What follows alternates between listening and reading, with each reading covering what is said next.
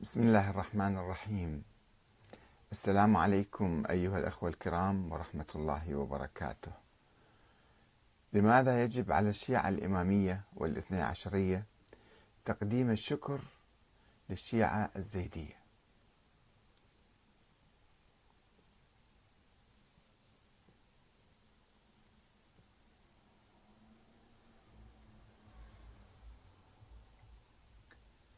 لماذا يجب على الشيعة الإمامية والإثنى عشرية بالخصوص تقديم الشكر للشيعة الزيدية.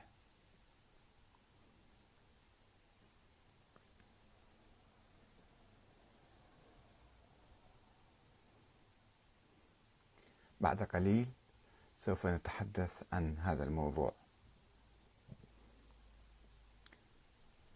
لماذا يجب على الشيعة الإمامية والإثنى عشرية. تقديم الشكر للشيعة الزيدية.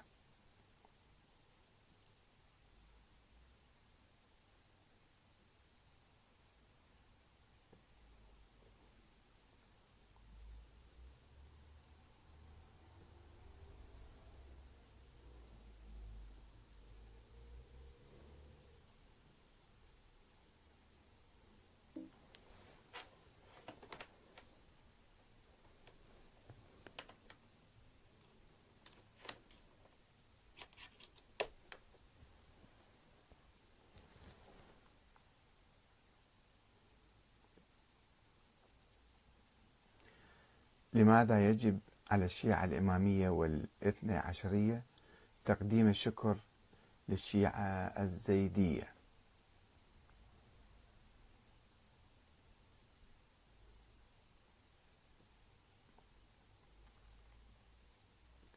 بسم الله الرحمن الرحيم.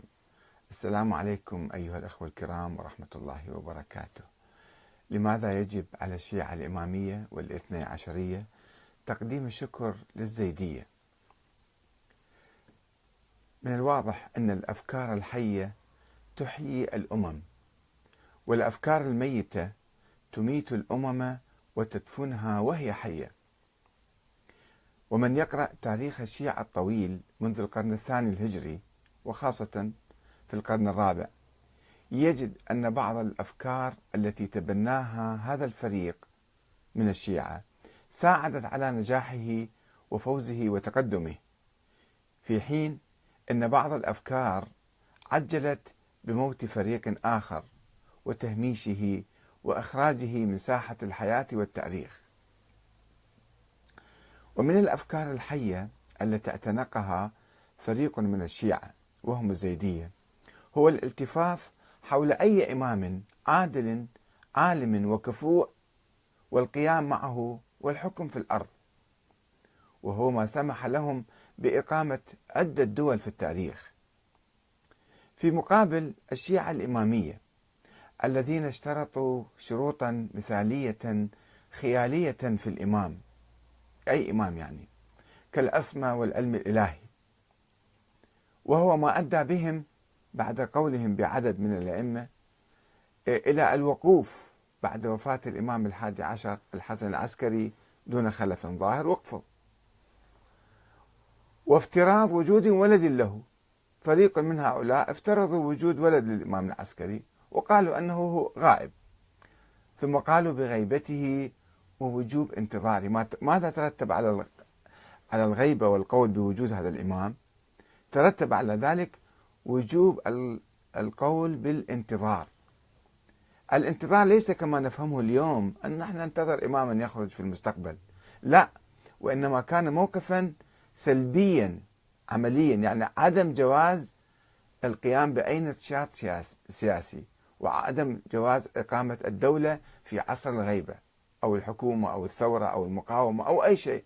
يجب أن ننتظر هذا الإمام لكي يقوم ويخرج. لأنه الإمام المعين حسب اعتقادهم من الله لقيادة الأمة الإسلامية والقيام بالثورة وتشكيل الحكومة الإسلامية الإلهية.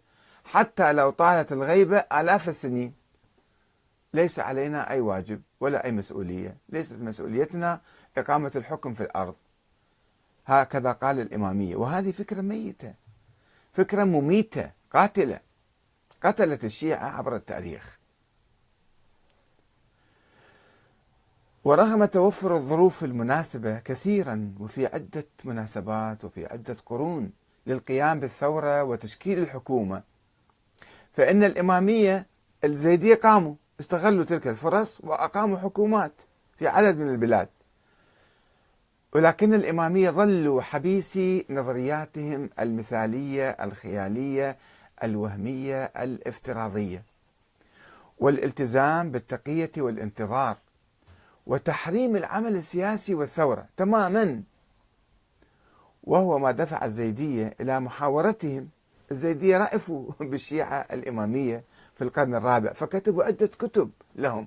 قالوا لهم طيب أنتم آمنتوا بوجود إمام غائب أو كذا ولد للإمام الحسن العسكري ولكنكم الآن قادرون على القيام آه، بالثورة والحكم. والدولة العباسية ضعيفة جدا.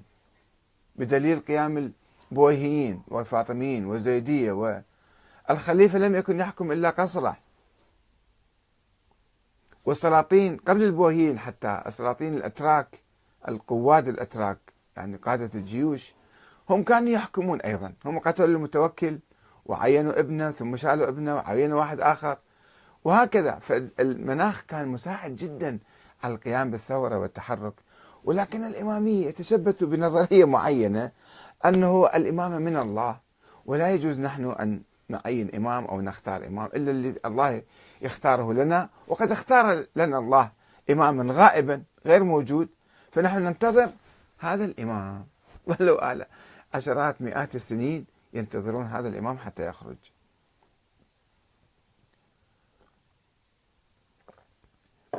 وهو ما دفع الزيدية إلى محاورتهم والطلب منهم المشاركة في الثورات التي كانت تنشب هنا وهناك في القرون الأولى ولا سيما في القرن الرابع الهجري. واختيار أي إمام أو أي إمام من أهل البيت. حتى الزيدية كان فيهم درجات منهم كان يقول الإمامة شورى بين المسلمين جميعا ومنهم كان يحصرها في أبناء علي والبطنين يعني الحسن والحسين. آه، واختيار أي إمام أو أي إمام من أهل البيت بصورة عامة أهل البيت يعني كل مو بس السلالة المعينة. من خارج سلسلة الاثنى عشر والإمام الثاني عشر الذي ينتظروه. إلا أن الإمامية اعتبروا ذلك خروجا على مذهبهم وتناقضا كاملا معه. وتناقضا مع شروطهم المثالية المفروضة يعني التي آمنوا بها. وظلوا ملتزمين بهذا الموقف قرونا طويلة من الزمن إلى أن أدركوا أخيرا أنهم على خطأ كبير وأن نظرية الإمامة قد قتلتهم ودفنتهم وهم أحياء. فعادوا إلى الفكر الزيدي الحي وقبلوا بحكومة الفقيه العادل أو الحاكم العادي الديمقراطي الذي ينتخب عبر صناديق الاقتراع. فأقاموا لهم دولا أدت دول وعدد من الأحزاب المشاركة في السلطة هنا وهناك. في إيران في العراق في لبنان في أفغانستان في باكستان الآن مشاركين في السلطة. ولكي نعرف لماذا همش الشيعة الإمامية الاثنى عشرية أنفسهم عبر التاريخ. هم همشوا أنفسهم عبر التاريخ بهاي نظرياتهم الميتة. تعالوا نقرأ ما كتبه شيوخ الطائفة الاثنى عشرية عبر التاريخ وحتى نرى ماذا كانت تعني نظرية الانتظار للإمام المهدي للإمام الثاني عشر. وكيف كبلتهم هذه النظرية ومنعتهم من التقدم والعمل عبر التاريخ. ولماذا يجب عليهم اليوم أن يشكروا الشيعة الزيدية الذين اقتربوا